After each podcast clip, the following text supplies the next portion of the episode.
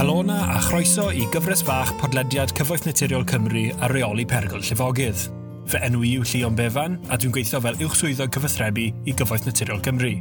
Yn y gyfres hon, byddwch yn clywed gan gwahanol dimes sy'n gweithio gyda gilydd i lehau perygl o lefogydd i gymunedau yng Nghymru. Bydd hyn yn rhoi trosolwg da i chi o beth yw perygl llifogydd, beth ydyn ni'n neud i reoli'r risg yng Nghymru, a pha effaith mae'r argyfwng hinsawdd yn ei chael ar berygl llifogydd yng Nghymru nawr ac yn y dyfodol. Helo a chroeso i'r pumed bennod yn ein cyfres fach a reoli pergol llifogydd gan Cyfoeth Naturiol Cymru. Heddi mae Lois Evans a Tom Jonathan sy'n gweithio yn ein grŵp dadansoddi pergol llifogydd yng Ngogledd Cymru yn ymuno â ni.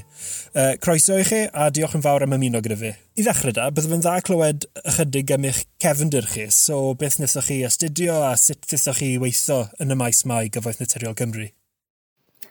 Yym yeah, so nes i y radd mewn daearyddiaeth uh, o Brifysgol Aberystwyth cyn mynd ati i wneud radd masters uh, mewn rheolaeth amgylcheddol cyniadwy o Brifysgol Bangor.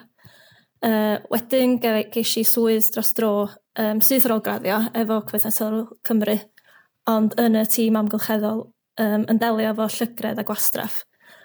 Ond um, dim ond cyntundeb dros dro oedd hwnna so nes i uh, benderfynu tri am swydd yn y tîm dadansoddi perygl llifogydd. Lle ni digon ffodus o gael y cytundeb parhaol a dwi dal yn yr un tîm naw mlynedd yn ddiweddarach. Felly mae rai bod fi'n ei fwynhau.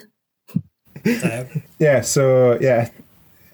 reiddiol o Ogledd Cymru a o'n i'n mewn bach o benbleth be eisiau gwneud pan o'n i'n mynd i brifysgol. So gwbles i lan yn mynd i Abertawe i wneud ffiseg am bedwar mlynedd so fel integrated masters. A wedyn ar ôl ni, o'n i dal moyn aros yn academia. So gaethau gynnig i fynd i Rhydychen am bedwar mlynedd i astudio PhD.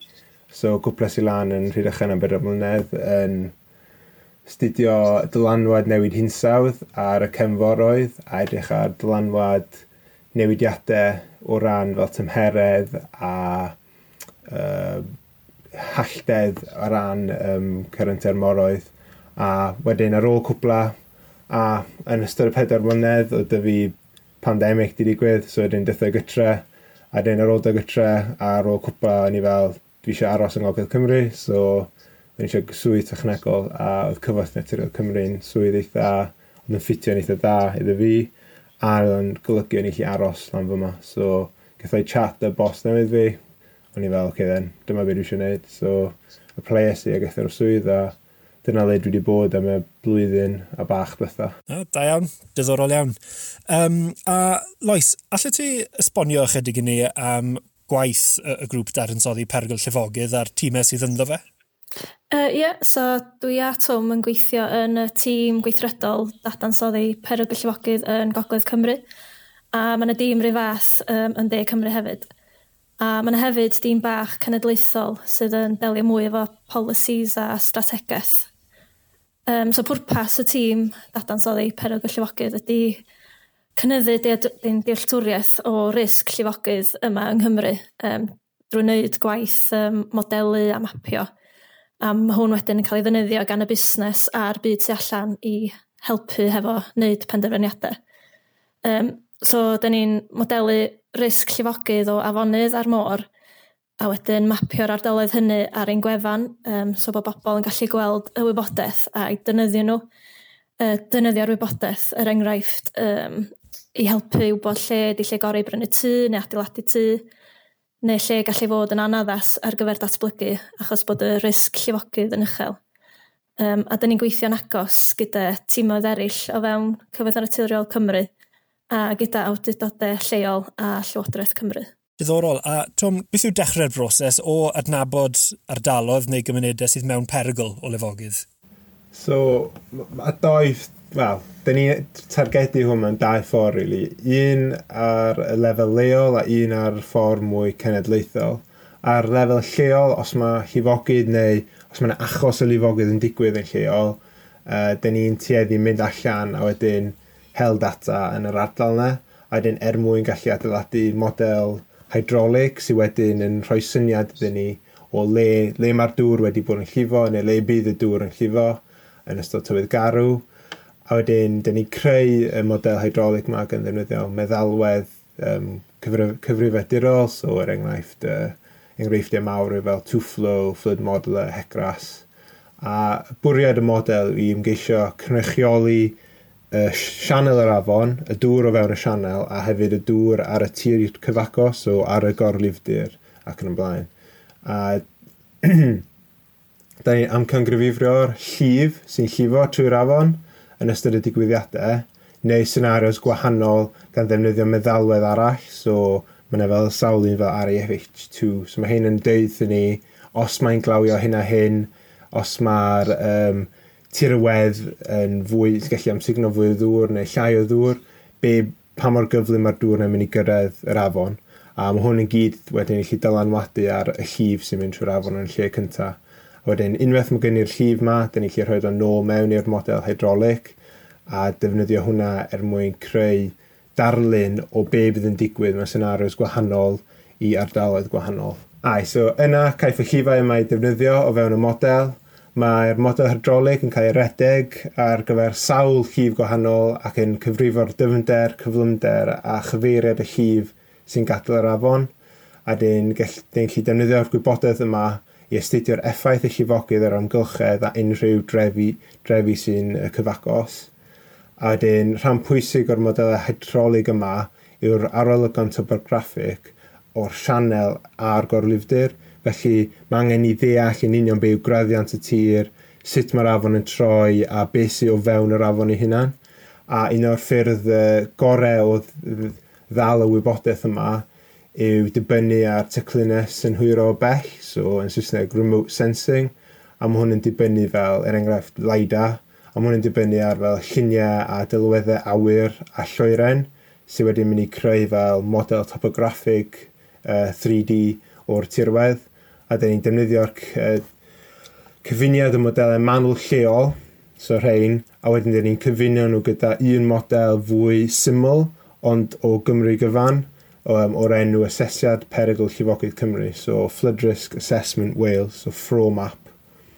A mae prosiect yma wedi cael ei ddechrau, os dwi'n cofio yn union pryd, ond 2019 dath allan, dwi'n meddwl oes, 2019-ish. Ie, yeah, dwi'n meddwl, ie. Ie. A wedyn mwyn i bod sawl blwyddyn yn fawr yn adeiladu'r model yma, a wedyn mae hwn yn rhoi fel syniad o'n i o be yw'r risg dros Gymru gyfan, a dyn ni'n gallu mewn rhai ardaloedd fel cyfuno'r model mwy syml yma gyda'r model mwy manwl o'r ardaloedd. A bwriad hwn i gyd yw i creu fel data cyson, so bod unrhyw berson sy'n eisiau deall y risg llifogydd yn ei ardal nhw, neu os mae angen creu penderfyniad neu mae angen tystiolaeth er mwyn cynllunio ar gyfer adeiladu tai ac yn y blaen, bod yna un set o ddata sy'n gyson dros bopeth sy'n wneud â perygl llifogydd. A Lois, ar ôl creu'r modelau a'r mapiau hyn, um, beth ydyn ni'n neud gyda'r wybodaeth na? Pa dechnoleg ydyn ni'n defnyddio? Uh, so mae'r holl fodelau dyn ni'n ei adeiladu'n lleol yn cael ei gyfuno ar model cenedlaethol a dyn ni'n cynhoeddi'r allbynnau hynny uh, fel mapiau ar un gwefan o'r enw mapiau perygl llifogydd Cymru a dyn ni'n diweddaru nhw bob chwe mis. uh, so, dyn ni'n dynyddio meddalwedd modelu safonol i amcagyfrif llif llifogydd um, gan dynyddio wybodaeth hydroleg diweddaraf a gwybodaeth am unrhyw asedau rheoli perygl llifogydd sy'n rhoi syniad i ni o sut mae'r risg yn cael ei effeithio gan y strwythurau hynny da ni'n mapio'r holl allbynnau'r model lleol a chynadlaethol gan ddefnyddio GIS a mae'r allbynnau yn cael ei ddangos ar un gwefan lle mae'r mapio ar gael i bawb i weld yn rhad ac am ddim. E, Mae'n waith reit gymleth ac mae gwerth 20 miliwn o bunnoedd o fodelau afon ar lefel lleol. E, a mae rhoi'r gwybodaeth hynny i'r system ffro, fel nath Twm sôn, yn golygu bod angen mapio gwerth 16 terabyte o allbynnau model. A mae'r nifer hwnnw'n parhau dyfu blwyddyn ar ôl blwyddyn uh, un o allbynnau allweddol y ffro ydy um, yr offeryn o'r enw gofrestr cymunedau mewn perygl. Um, a mae hwn yn dynyddio'r holl dystiolaeth i blirioreithu cymunedau Cymru sy'n mewn risg o lifogydd, um, sydd yn helpu wneud penderfyniadau um, i ba cymuned sydd angen y cymorth mwyaf er mwyn ceisio amddiffyn nhw rhag y llifogydd.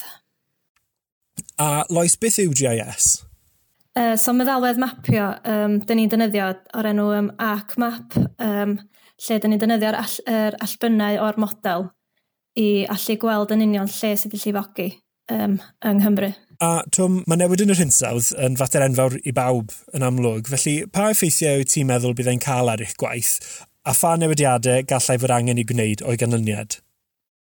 So, yn syml, dyn ni'n dealltwriaeth gwyddonol yn newid hinsawdd, mae'n ymddangos fel bod yna sawl newidyn yn mynd i ddigwydd i yr hinsawdd sydd o'n gwmpas ni o ddydd i ddydd, a falle bod hwn yn mynd i ddigwydd dros y degawdau canrifoedd nesaf. Y prif y bethau bydd yn newid bydd lefel ar môr yn codi, a bydd ni'n disgwyl cael mwy o tywydd eithafol, so er enghraifft sychder a stormydd ac yn y blaen. Oherwydd hyn, bydd ni'n gweld mwy o gymunedau o fewn perygl y llifogydd gan foroedd ac yfonydd. O ran cyfoeth naturiol Cymru a asesu'r risg bydd newid hinsawdd yn ei gael, dyn ni eisoes wedi bod yn modelu a mapio sawl senario hyn newid hinsawdd er mwyn dechrau meddwl amdan y risg o llifogydd yn y dyfodol a le gallent fod. A mae hwn yn glir o fewn uh, Flood Map for Planning, sef y mapiau perygl llifogydd Cymru. Da ni'n barod yn gweld bod lefelau'r afonydd yn codi o ganlyniad i fwy o law a hefyd mae mwy o law yn debygol o gynyddu llifogydd o ddŵr wyneb oherwydd bod y tir methu am amsugno mwy o ddŵr a hefyd bod ers yr ail ryfel byd, da ni wedi bod yn adeiladu lot o dau a lot o, mae lot o drefi wedi cael adeiladu a felly lot o goncrit ac yn y blaen. Yn ddiweddar, mae'r nifer o dau ac eiddo sydd wedi dioddef o ddifogydd gan nentydd, cyrsiau dŵr bach a dŵr wyneb yn ystod stormydd wedi cynnyddu yn sylweddol. Rhan pwysig o dod i afael gyda newid hinsawdd yw wneud pobl yn ymwybodol ohono, yn ogystal â'r risg o llifogydd. Da ni'n gweld sawl ychlysur le mae perchnogion heb ystyried y risg o llifogydd i'w tai. Gall nant fach yn yr haf fod yn broblem enfawr yn y gaeaf, yn arnedig ar ôl storm. Cam pwysig i wneud y cyhoedd yn ymwybodol o newid hinsawdd a'r cynnydd yn risg llifogydd. Unwaith mae dealltwriaeth o risg a sut mae'r hinsawdd am newid gallwn gydweithio gyda'r cymunedau er mwyn lleihau y risg a hefyd creu cynllun os oes llifogydd yn dieddol o ddigwydd yn yr ardal. Ac yn ymffodus, mae'n debygol mi fydd llifogydd yn fwy cyffredin yn y dyfodol. Mae'r map llifogydd ar gynllunio ar gyfer cynllunio, Flood Map for Planning, a gyhoeddwyd gan Llywodraeth Naturiol Cymru gynharach eleni yn gan pwysig tuag at codwy ymwybyddiaeth llifogydd a dylanwad newid hinsawdd arno. Mae'n dangos dylanwad newid hinsawdd am y can mlynedd nesaf a ar ei mapiau am y tro cyntaf erioed, so popeth dyn ni wedi gwneud y blaen ddim di ystyried dylanwad newid hinsawdd.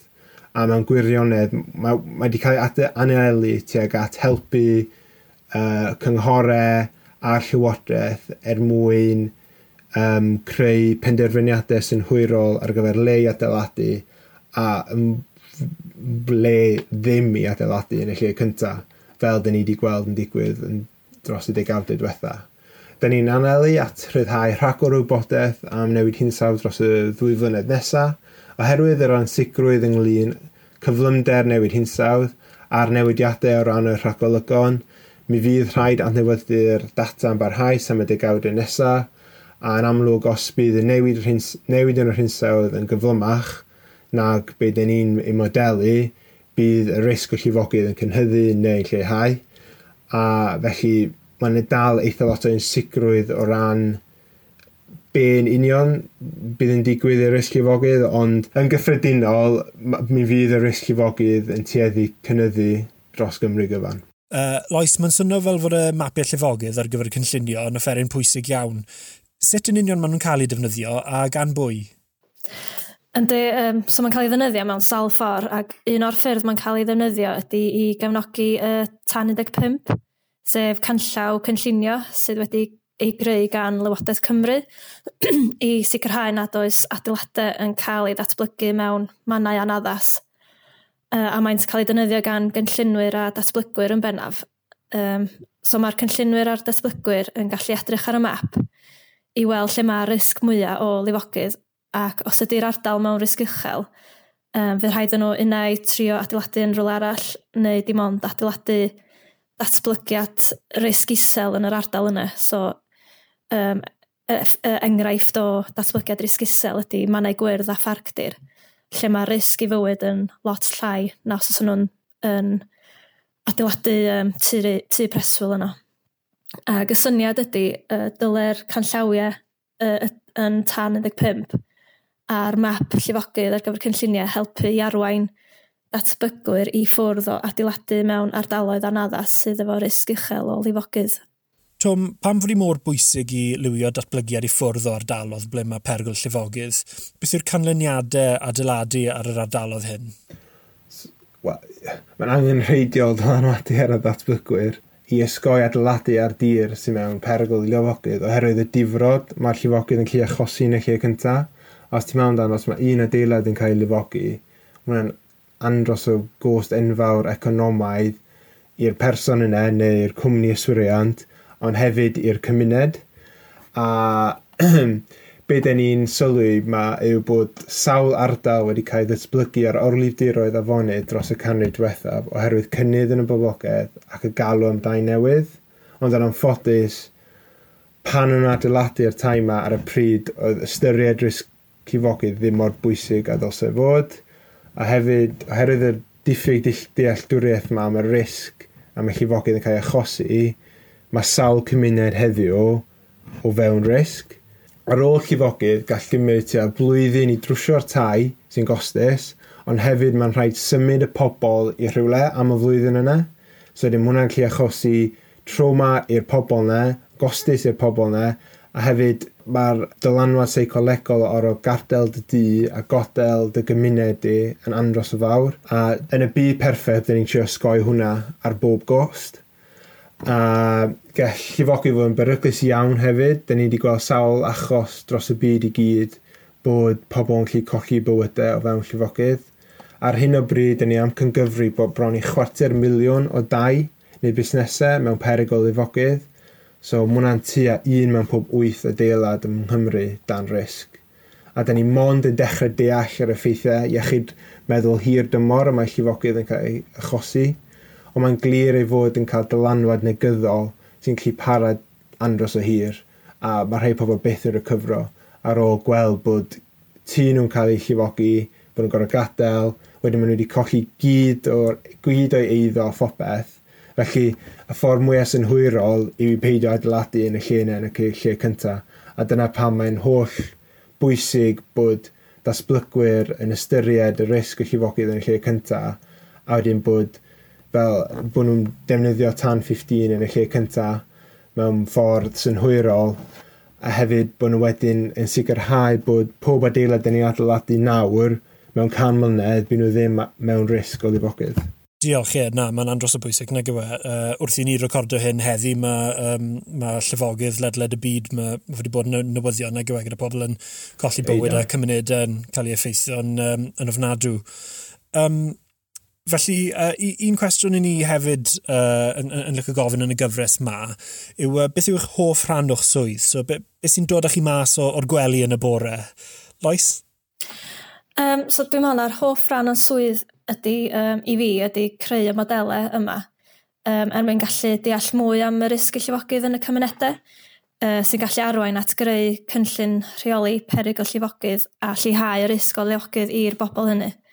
Um, hefyd, dwi'n mwynhau'r her o adeiladu'r model a'r holl datrys problemau um, i trio gael o'i gynrychioli beth sy'n digwydd yn y byd go iawn. ac yna dadansoddi'r canlyniadau a'i gyfathrebu fo drwy greu gwahanol mapiau sydd ar gael ar ein wefan i bawb cael ei gweld. A hefyd, rhan arall o'r swydd, dyn ni'n wedi sôn amdano fo eto, mae o yn rhan bwysig iawn ydy'r ochr bod ar alwad, so Um, dyn ni ar rota i ddelio gyda llifogydd 24 awr y diwrnod, 7 diwrnod yr wythnos, 365 diwrnod y flwyddyn. Um, a fy rôl i ydy uh, swyddog dyletswydd rhybydd llifogydd, so mae hyn yn golygu na fi sy'n gorau wneud y penderfyniad o rhoi y rhybydd llifogydd allan neu beidio, um, a dwi'n wneud y penderfyniad yna drwy edrych ar y rhagolygon tywydd, y lefel yr afonydd, a'r amoder môr. Felly mae'n dipyn o gyfroldeb i wneud y siŵr bod fi'n neud y penderfyniad cywir er mwyn neud y siŵr bod y bobl um, yn cael y rhybydd mewn digon o bryd. Ydy'n wir. Diolch Lois. A ti, Tom? Dwi'n meddwl, yn syml, cytuno gyda beth mae Lois yn dweud, ond hefyd, dwi'n meddwl bod o'n i'n licio bod fel pwrpas uniongyrchol i'r swydd a bod fi'n gweithio ar brosiectau sy'n cael dylanwad ar y gymuned dwi'n byw yn, ond mae teulu fi'n byw yn, a mae ffrindiau fi'n byw yn ddynt. So dwi fel, o'r blaen, o lot o'r gwaith dwi'n neud yn lot fwy damcainiaethol a cyfraniaeth pethau mwy byd eang, ond o ti ddim yn gallu gweld yn union be oedd gwaith fi'n cyfrannu at, le wan fi fel, fel Lois yn dweud, o'n i, dyn ni ar ddyletswydd sy'n chi gweld straight away pan, os dyn ni'n cyhoeddi um, rhybydd, ti'n chi gweld sydd ben, o, dyna yw dylan ar gwaith fi sydd ben di digwydd, a hefyd os mae llifogydd yn digwydd, rhan o'n swydd ni yw gorau mynd allan a casglu data a wedyn defnyddio'r data yna er mwyn gwella'n dealltwriaeth ni o beth ddigwyddodd yn hefyd sut i ddefnyddio'r data yna o fewn model i greu senario synhwyrol fel bod llifogydd byth yn digwydd yn yr ardal neu bod ni'n lleihau y risg o llifogydd yn yr ardal yn y dyfodol. A wedyn, y beth olaf byddwn ni'n deud yw bod pawb mae'r gymuned o fewn y cwmni yn andros o gyfeillgar a o brofiad mae bod mewn gweithle le mae pawb yn cyd-dynnu yn, gall, yn rhan bwysig iawn o cael swydd hwylus a os mae hwn ddim yn ym, mae'r swydd yn gallu bod yn eitha well, ddim yn lot o hwyl yn ogystal a dwi'n licio gallu just dysgu sgiliau gwahanol a mae cyfoeth y Tirol Cymru wneud lot o bethau o ddifogydd holl ffordd i pethau amgylcheddol, gwastraff, i um, stwff yn y moroedd a cynefinoedd ac yn y blaen. Felly mae'r ma, ma gwaith dyn ni'n gallu edrych ar yn eitha eang a hefyd mae'n eitha neis bod mewn gweithle, gweithle le mae Cymraeg yn cael ei ddefnyddio yn ogystal â Saesneg. Diolch yn fawr i'r ddoi o chi am siarad gyda fi heddi. Mae wedi bod yn ddiddorol iawn ond mae'n amlwg bod chi'n angerddol iawn am eich gwaith chi a bod eich gwaith chi yn cael effaith um, go iawn ar bobl ledled -led Cymru. Felly, uh, diolch yn fawr am ymuno gyda fi heddi. Problem. Diolch. Dwi'n gobeithio eich bod wedi mwynhau'r benod hon. Os oes gennych unrhyw sylwadau neu gwestiynau, gallwch gysylltu â ni ar Facebook, Twitter neu Instagram, neu drwy'r cyfeiriad e-bost sydd yn nodiadau'r sioe yma. Fe welwch hefyd ddolenni un tudalennau gwe a reoli pergyl llifogydd, lle gallwch weld rhai o'r pethau dyn ni wedi sôn am yma heddi. Diolch am wrando.